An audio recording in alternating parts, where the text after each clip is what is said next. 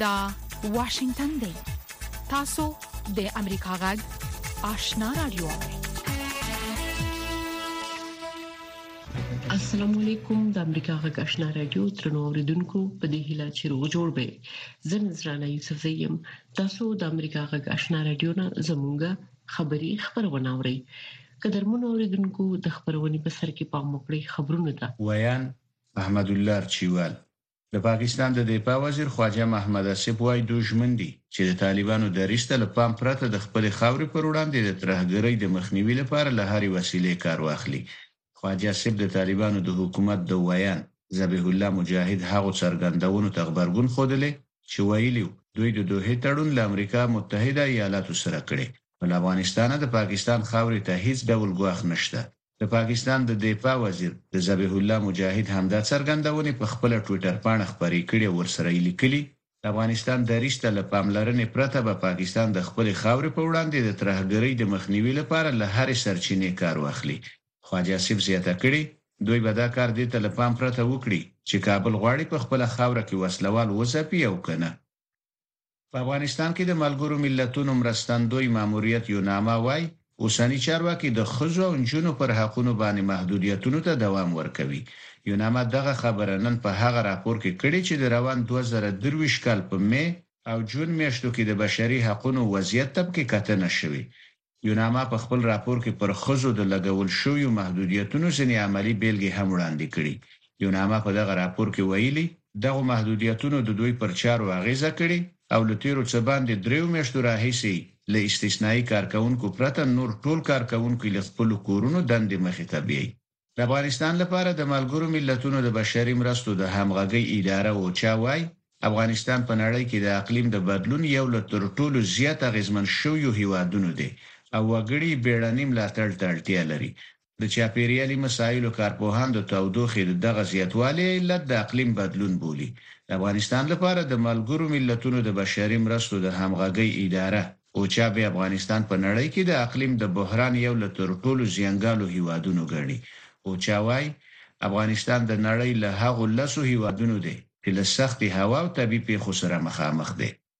د افغانستان لپاره د اروپايي ټولنې شاس دافیره راپایله یودیچي وایي، افغان ښځې د سوداګرۍ ښه ظرفیتونه لري. هغې پرون په یوه ټویټ کې ویلي، چې د افغانستان په اړه په یوه ملي او نړیوال نندارتون کې له هغو پنځه ویشت سوداګرو ښځو سره له لیدو ډېره اغېزمنه شوې، چې اروپايي ټولنه او نورې ادارې یې لاسنیوی کوي. د ټویټرپاڼې په څو تصویرونو کې ښکاري چې د دغو سوداګرو مېرمنو د شرکتونو تولیدات نندارې ته ایښودل شوي. نوموړې د افغان سوداګرو ښځو ستاینه داسې مهال کوي چې په افغانستان کې ښځې طالبانو په نادولتي، کورنیو او نړیوالو موسسو کې له کار کولو منع کړي. له امریکا غږ څخه خبرونو ته دوام ورکوو. د روسیې د بهرنیو چارو وزارت وايي، اوکراین نن د روسیې او کرایمیا ترمنځ غځېدلي پله باندې برید کړی. د رویټرز خبري اژانس په وینا د دغه وزارت ویاندې ماریا زخارووا ادعا کړې چې د اوکراین د رژیم لخوا دغه برید د بریتانیې او متحده ایالتونو د استخباراتو په مرسته شوی زخارووا د خپلې ادعا د ملاتړ لپاره شواهد نه دي وړاندې کړي. د ازادۍ راډیو د خبر مرکزي څانګې لیکلي، پر دغه پله سملاسي د موټرو تګ راتګ درېدلی او په خبره یې برید کې دوه تنه وژل شوي. ټاکل شوې د ملګرو ملتونو امنیت شورا دا اونۍ په خپله لومړۍ رسمي غونډه کې د مصنوعي ځیرکتیا پر موضوع بحث وکړي. په دې اړه زما همکاره راپور راکوي. برېټانیا به په نړیواله سوله او امن د ټکنالوژۍ د دې پدیدې د اغېزو په باب د نړیوال دیالوګ غوښتنه وکړي. په نړۍ کې حکومتونه پر دې غور کوي چې د مصنوعي ځیرکتیا د ظهور خطرونه څنګه راکم کړي. هغه پدیده چې ښایي وکړای شي د نړۍ د اقتصاد بڼې او نړیوال امن لیدلوري ته تغیر ورکړي برېټانیا چې روانه میاشت ملګرو ملتونو د امنیت شورا دورې مشري ورتر غاړه ده د مصنوعي ځیرکتیا پر مقرراتو د نړیوالې رهبرۍ د ټینګولو هڅه کوي د ایران په ښارونو کې د ځانګړو پولیسو لخوا ګزمې له سره پیل شوي څو پر خزو د حجاب قوانین عملی کړي د ایران د پولیسو ویاند سعید منتظر المهدی پرون ویل چې دغه ګزمې به هغه کسان ځپي چې په عامه ځایونو کې غیر معمولي جامې اغوندي او نورمونه تر پښو لاندې کوي. د نوموړي د دې څرګندونو سره هممهاله په ټولنیزو رسنیو کې ناتایید شوي پوسټونه خپاره شوي چې د ایران په څو ښارونو کې د پولیسو د موټرو ګزمې لیدل کیږي. د پولنډ د پوزنان ښار په یوه رسټورانټ کې د ډزو له کبله دوه کسان وژل شوي. د پوزنان د پولیسو یوه ویاند انژي یورویاک ویلي چې پېښه پرون په رسټورانټ کې شوې. د بورویاک په وینا یو تن د پېښې په ځای کې ساه ورکړې او بل تن په روغتون کې. د ده په وینا پولیس ډاډه دي چې له دغه کسانو یو یې په دې پېښه کې لاس درلود او اوس هڅه کوي چې د پېښې لامل معلوم کړي. دا و د دې ساعت خبرونه چې تاسو ته په واشنګټن کې د امریکا غږ له سټوډیو وړاندې کړل. د امریکا غږ آشنا رادیو درنو اوریدونکو تاسو خبرونه واوریدل پام وکړئ زموږه د خبرونې لومړی رپورت ده د طالبانو د بهرنیو چارو وزارت په کابل کې د برتانیې د سفارت د پرانیستلو په اړه د غهوا د پارلمان د دفاعي کمیټې د مشر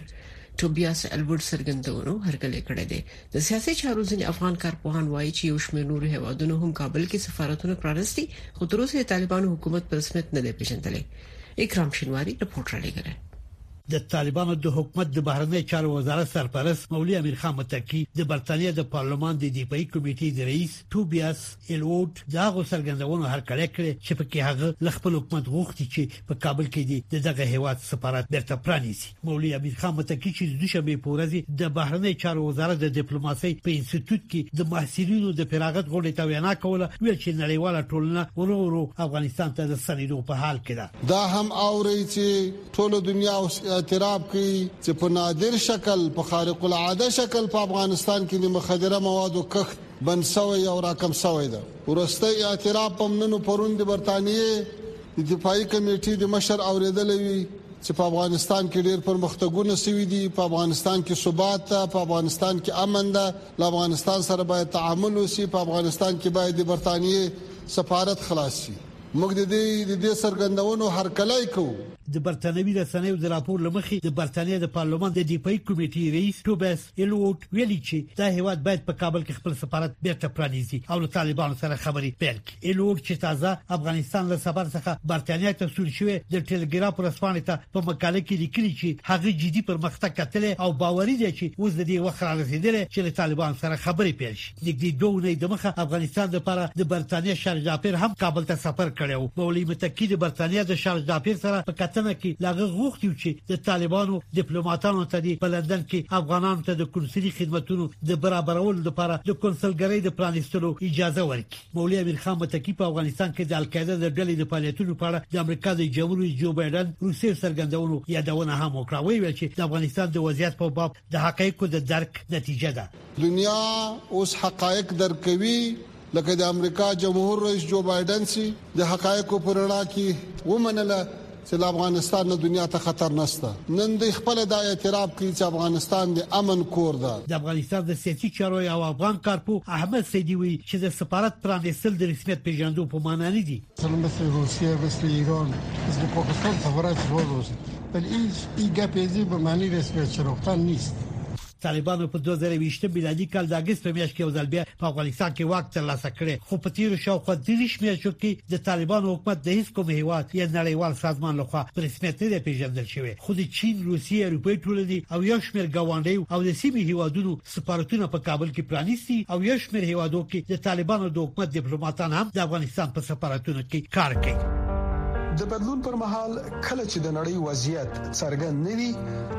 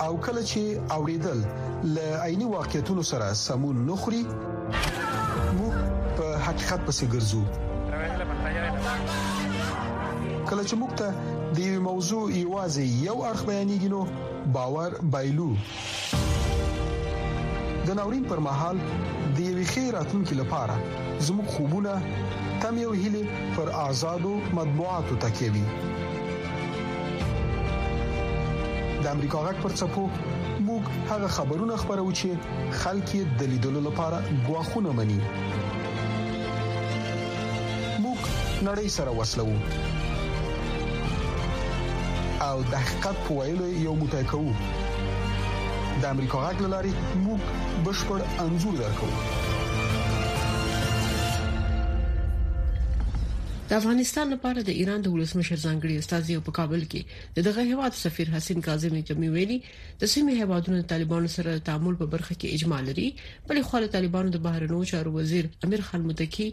دوشنبه یوې غونډې ته د وینا په مهال ویلي چې ځوانان د افغانستان راتلونکي جوړوي د طالبانو د بهرنیو چارو وزیر امیر خان متقی نن دوشنبه د بهرنیو چارو په وزارت کې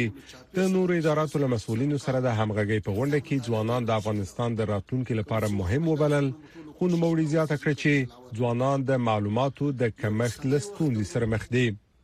او ځوانان مستقبل لري او د دې هېواد مستقبل هم په دوی پورې تړلی دی. باید ډېر زیات کوشش وکړي چې په خپلو امورو کې ځان ورسوي، ځان وپوهوي، هم به شخصي ګټه وي، هم به وطن ته ګټه وي، هم به نظام درباندې ښایسته وي. متقي زیاته کړه چې اوس په افغانستان کې امنیت او کراري راغلي او ځوانان باید له دې فرصت څخه ګټه واخلي خو د چارو یو شمېر کارپوهان وایي نه یوازې ګڼ شمېر لوستي ځوانان په افغانستان کې وزګار دي بلکې ګڼ شمېر نور د بې وزګارۍ لامل اړ کیږي چې نورو هیوادونو ته مهاجرت وکړي په تاسف سره دوی د یوې خونه په ځوانانو غږ کوي چې راځي وطن جوړ کړي د بلې خونه نیمایي ځوانان چې هغوی نجونې دي د تعلیم او د تحصیل نه دوی محروم کړل دوی نو په کوم ځوانانو نه پېم چې دا وطن جوړي او دغه نور ځوانان چې الکان دي هغوی هم متاسفانه هغه په اصطلاح روحي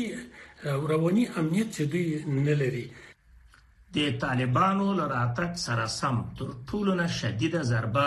ځوانانو لیدلې ده. تر دې دمه پورې درې اعشاریه شپږ میلیونه افغانانو وطن پریښی دی او تر یو میلیون پورې بېکاره شوي دي او د دې مطلق اکثریت ځوانان دي. بلخوا د افغانستان لپاره د ایران د ولسمشر ځانګړي استازي او په کابل کې د دغه هیواد سفیر حسن کاظمی قومي د افغانستان په چارو کې د ملګرو ملتونو د ځانګړي همغږي کونکي او خپلواک ارزونکو فریدون هادي سنرلی اوغلو سره په کتنه کې ویلي د سیمې هیوادونه د طالبانو سره د تعامل په برخه کې اجماع لري بلخوا د بریټانیا د پارلمان د دفاعي کمیټې رئیس توبیاس الوډ چې تازه د افغانستان له سفر څخه ستون شوی په یوې مقاله کې چې په بریټانوي ګارډین ورځپاڼه کې خبره شوې ویلي چې هیواد باید له طالبانو سره همکاري وکړي او په کابل کې د بریټانیا سفارت خلاص کړي هغه زیاته کړې دا اقدامات باید د بې ثباتۍ ترهګرۍ او مهاجرت یو بل پړاو ته د تګ د مخنیوي په خاطر وشي خو د سیاسي چارو شنونکی واحد فقيري وایي تر هغه چې طالبان په ځان کې اصلاحات را نه ولي همداسې منځوي به پاتې وي زما عقیده دا ده چې طالبانو د رسمیت پیژندلو او حتی رسمي تعامل مسله به د گاونډیانو سره ډیر ځندنه وي ډیر وخت په وغواړي ترڅو پر چې طالبان په خپل ځان کې اصلاحات را نه وړي زه فکر کوم دغه سیمنځوي او پاتوي ګاونډي هیوادونه د ته ضرورت لري چې دوی تعامل لري طالبانو سره د تجارت په برخه کې د ترانزیت په برخه کې هم دغه سي هغه اندېښنې چې دغه هیوادونه لري د ځینې ترهګرو ډلو ځینې په یو بل خبر کې د طالبانو یو ویاند بلال کریمی وایي د طالبانو د حکومت رئیس الوزرا مولا محمد حسن تر شاوخوا دوه میاشتو درملنې او رخصتۍ وروسته د دوشنبه په ورځ بیرته په ارګ کې خپل دفتر ته ستون شوی دی سمي الله جلال زای امریکا غږ امریکا یو له هغو هیوادونو څخه چې د نړۍ له ګوټ ګوټ څخه د بیلابیلو کلتورونو، دودونو، ملیتونو او ارزښتونو کوربه دی. په امریکا کې ژوند او دلته مهاجرت کول لکه د نورو هیوادونو په څیر خپلې ښېګڼې او سختۍ لري ځینې خلک په خپل هڅو او له فرصتونو په ګټې اخیستو خپل هیلو ته رسیږي خو ځینې نور بیا له ستونزو سره مخ کیږي ژوند په امریکا کې هر جمعه د افغانستان په وخت د مازیګر له شپږو نه تر شپږ نیمو بجو او د ختیځ امریکا په وخت د سهار له نه نیمو تر تاسو بجو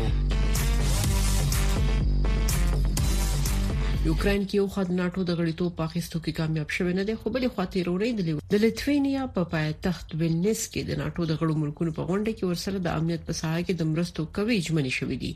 د امریکا حکومت هم د یوکرين سره د خپل ملاتړ هوټ تکرار کړی دی په مخړې دی رپورت ته د اوکراین پوځ د روسیې د یرغل په مقابل کې د خپل خاور د ساتنې د مبارزې په اړه یو لړ انځورونه خپاره کړي دي بلخوا د سپینې ماڼۍ د ملي امنیت سلاکار جیک سلوان په ټلویزیوني مرکه کې ویلي دي چې د اوکراین په جګړه کې پرمختګ روان دی تاسو وینئ چې د اوکراین ځواکونو په ختیځ او سویل کې پرمختګونه کړي موږ د دې مقاومتي جګړې په پیل کې ویلي چې دا په سختۍ سره پرمخ ځي چې په سختۍ پر مخ ځي او د جګړې فطرت دی چې داسې به وي، خو د اوکراین پوځ مخ په وړاندې روان دی. په داسې حال کې چې د امریکا حکومت د اوکراین سره د وسلو د مرستو خبره کوي، بله خوا د امریکا د مالیې وزیرې جنیت یالن هند ته د سفر پر مهال ویلي دي چې امریکا د روسیې د قوت د ماتولو لپاره په نورو لارو چارو هم کار روان کړی دی. موږ به هغه نظامي وسایلو او ټیکنالوژۍ ته د روسیې لاسرسی ختم کړو د کوم په مټ چې د یوکرین سره جګړه کوي. زموږ د دې کال د هڅو یوه برخه دا هم ده چې روسیه زموږ د بندیزونو نه سرغړونه ونه کړي. د لیتوانیا په پایتخت ویلنیس کې د ناټو غړو ملکونو اوکراین ته په خپل تړون کې د شاملیدو کومه کړنلاره واضح نه کړه، خو د کیب سره یې د مرستو کلکې ژمنې وکړلې. موږ باید دا بې ارزښته ونه ګڼو چې اوکراین له دې غونډې څومره ګټه ترلاسه کړې. اوکراین د اوږدې مودې او دایمي ملاتړ ژمنې اخیستي او د نظامي وسایلو او مهماتو د ملاتړ وعدې ورسره شوي. بلخوا امریکايي سناتور ډان سلیوان ویلي دي چې د ناټو غړي ملکونه باید د اوکراین قوي مالي ملاتړ هم وکړي. نوموړي دا خبرې په یوه ټلویزیوني خپرونه کې کړې دي. د ناټو د یو دېرش غړو هیوادونو نه یواځې اوو هیوادونو د دفاعي لګښتونو په لړ کې د خپلو ژمنو په قد دوه سلنه تر سره کړي. د ناټو د غړیو ملکونو دا بې اعتنايي د اوکراین سره په نیږدې موده کې او د ناټو سره په اوږده موده کې د مرستو پر بهیر منفي اغیزه کولای شي. خو د امریکا ولسمشر جو بایډن تیره اونۍ ویلي وو چې اوکراین د ناټو د غړیتوب لرلو نه پرته هم د اوږدې مودې امنیتي مرستو حقدار دی. ولسمشر بایډن د نړۍ دوه بډایو هیوادونو هغه کړنلارې ته اشاره کړې ده چې هدف یې د جګړې په جریان کې او له جګړې وروسته د اوکراین غوښتنو ته یو ځواب لرل دي غورځنګ د امریکا غږ واشنگټن طالبانو د افغانستان له دننه د امریکا غږ راډیو خبرونه درولې خو امریکا غږ په پوره شمنتیا خپل افغان اوریدونکو ته په پښتو او دری ژبه د کاره باوري او هر اړخیزو خبرونو په خبرولو د افغانستان له بهره په 902 کیلو هرتز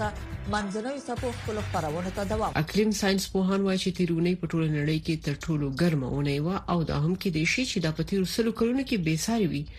د نړۍ ځینې برخې اوس د اوبو لاندې دي په ورته وخت کې د نړۍ نورې سیمې د سختې تودوخې سره مخ دي په مخړې د رپورټه د هسپانیا د لا پلاما ټاپو په ځنګل کې ورلګېدنې ونې او کورونه سوځولي ځکه چې په دغه ځنګلونو کې باد د لمې لا نوري زیات کړي د دغه سیمې چارواکي وایي چې اروپا د تودوخې د څپې سره مخامخ ده د اورلګیدنې له کبله تر څلور زره ډیر کسان له سیمې څخه ایستل شوي دي د نیچر یا طبیعت په نوم ژورنال لیکلي چې د ورسي اټکل لمخې په تیر وړي کې د تودوخې لوجې شاوخوا یو شپې ته زره کسان مړ شوي دي د هند په پلازمینه کې به ساري بارانونو سړکونه تر اوبو لاندې کړي. دا په نوي ډیلي کې د مونسون غیر عادي بارانونه دي. دا ځل د تیرو کلونو په پرتله لس ځلې زیات بارانونه شوي دي. د متحده ایالاتو په شمال ختیځ کې سختو بارانونو سړکونه ویجاړ کړل، خلک په زوره د کورونو نه وایستل شول. په امریکا کې د نیو انګلند، نیویارک او کنټیکټ په ځینو برخو کې تر 10 سانتي متر زیات باران وشو. په ځمکه د بیخي زیاتې لوړې تودوخې سربېره اوس د بحر د تودوخې درجه هم لوړه شوې ده او له همدې کبله دلته د میامي سره نږدې چې کوم د اوږدې مودې څارنې ځایونه دي په هغې کې اوبیزو مرجانو رنګونو بایللي دي او اوس خړ شوي دي.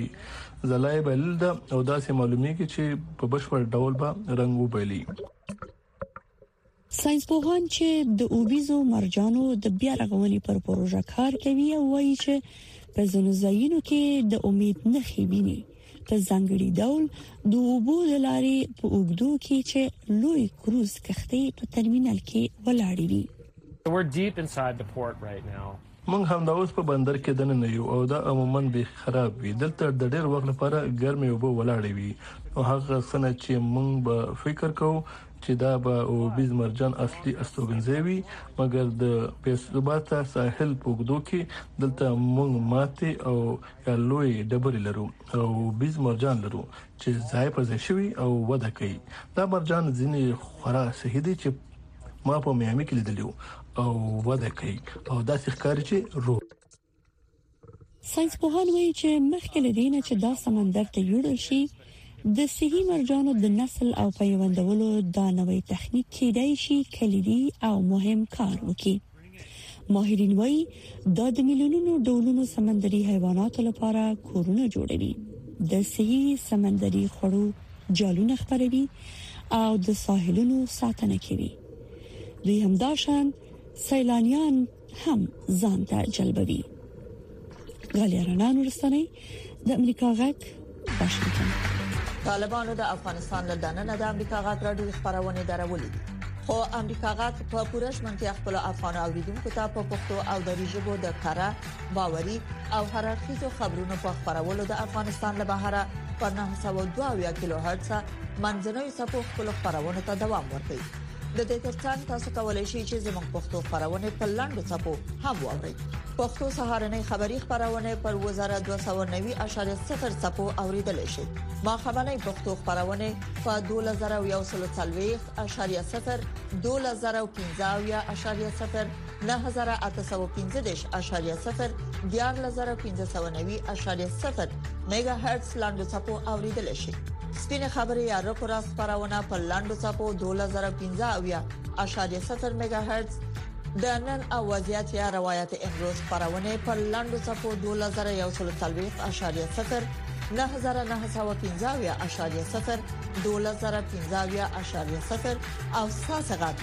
یا صداي شما خبرونه پر لاندو سپو 2015.0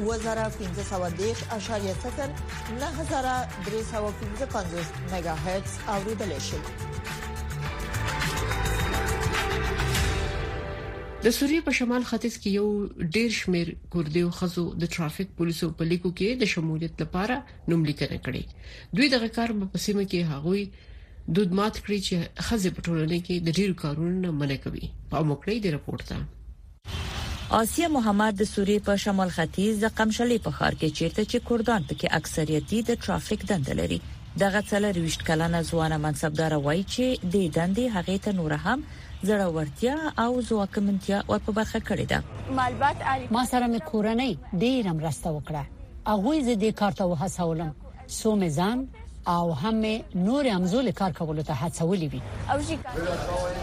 د سوریې په جګړه ځپلي هیواد کې د کوردانو دغه حوزه یوازنۍ سیمه ده چې خزه پکې د ټرافیک دنده تر سره کوي د سیمې ډیر اوسیدونکو په دې باور دي چې د پولیسو په لیکو کې د خزو ونده به په دې هیواد کې یو لوی ټولنیز بدلون راوړي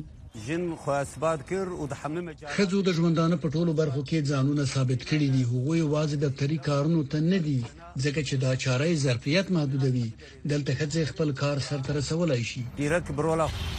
د کردانو په مشرۍ د سوریې په شمال او ختیځ کې خپلواکه اداره په دوه زره څوارلسم کال کې رامنځته شوه. دغه اداره په ګډه د ښځو او نارینه وو لخوا مدیریت کیږي. د ټرافیکو اداره هم غواړي چې د جنسیتي مساوات یقیني کړي. اوس مهال د دې ریاست دېرش سلنه کارکوونکي ښځې دي.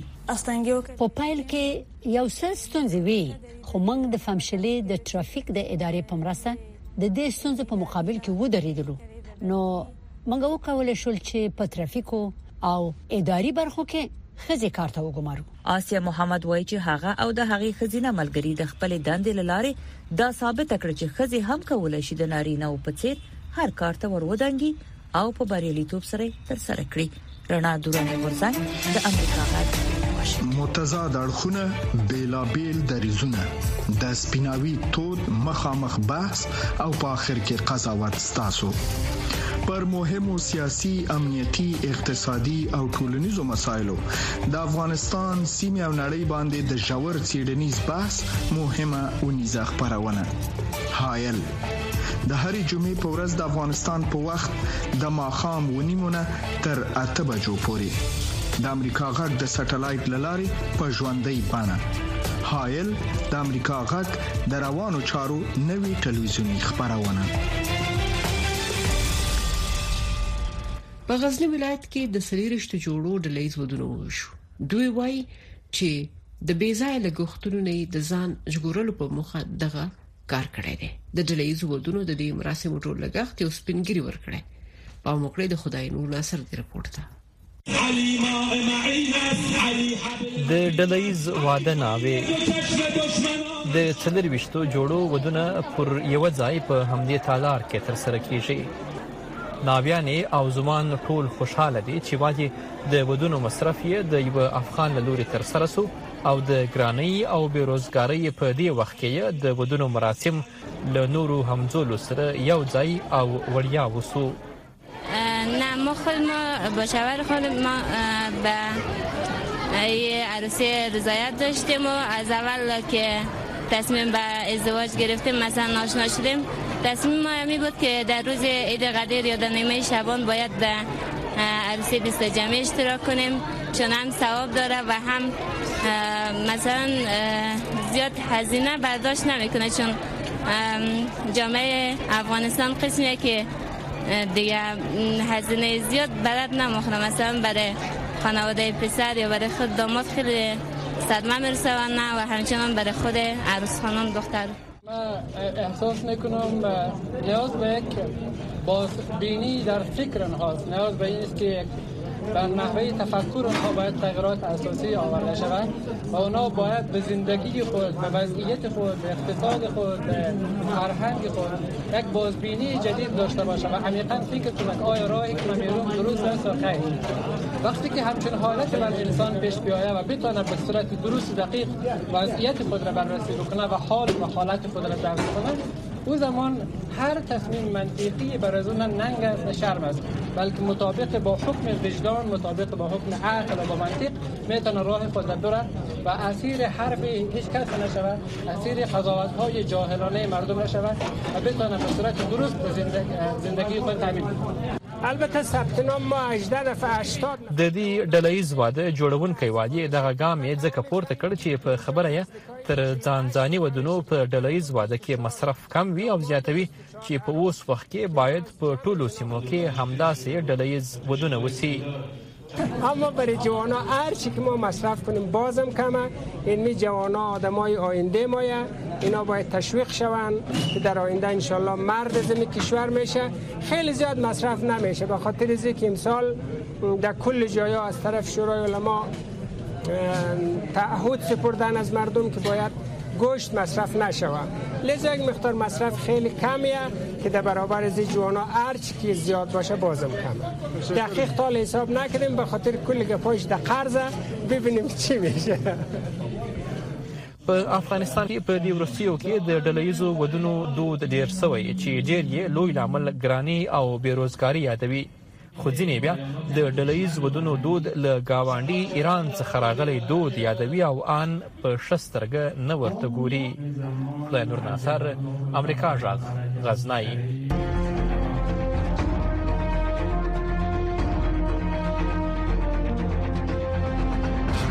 اتصال زموږ او ساسي پیوستون خبرونه چیرنی او خبرګونونه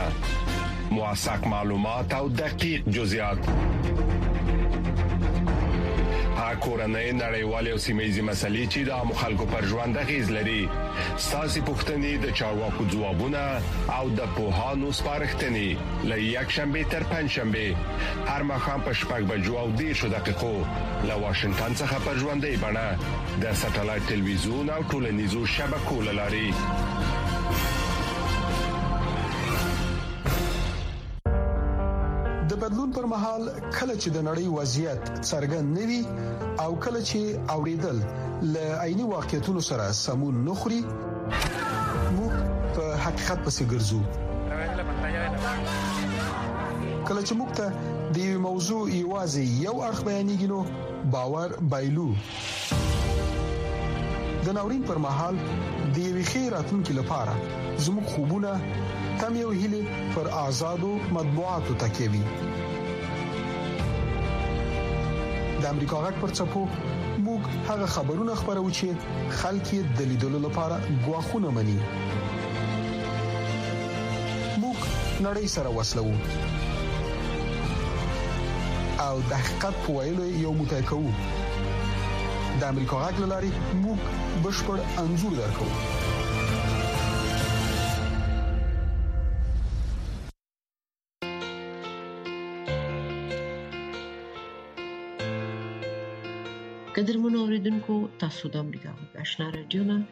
زموږه خبری خبرونه واوریده موږ تاسو نه په دې هیله اجازه غواړو چې خبرونه به او ریډلی وي د خوده په امان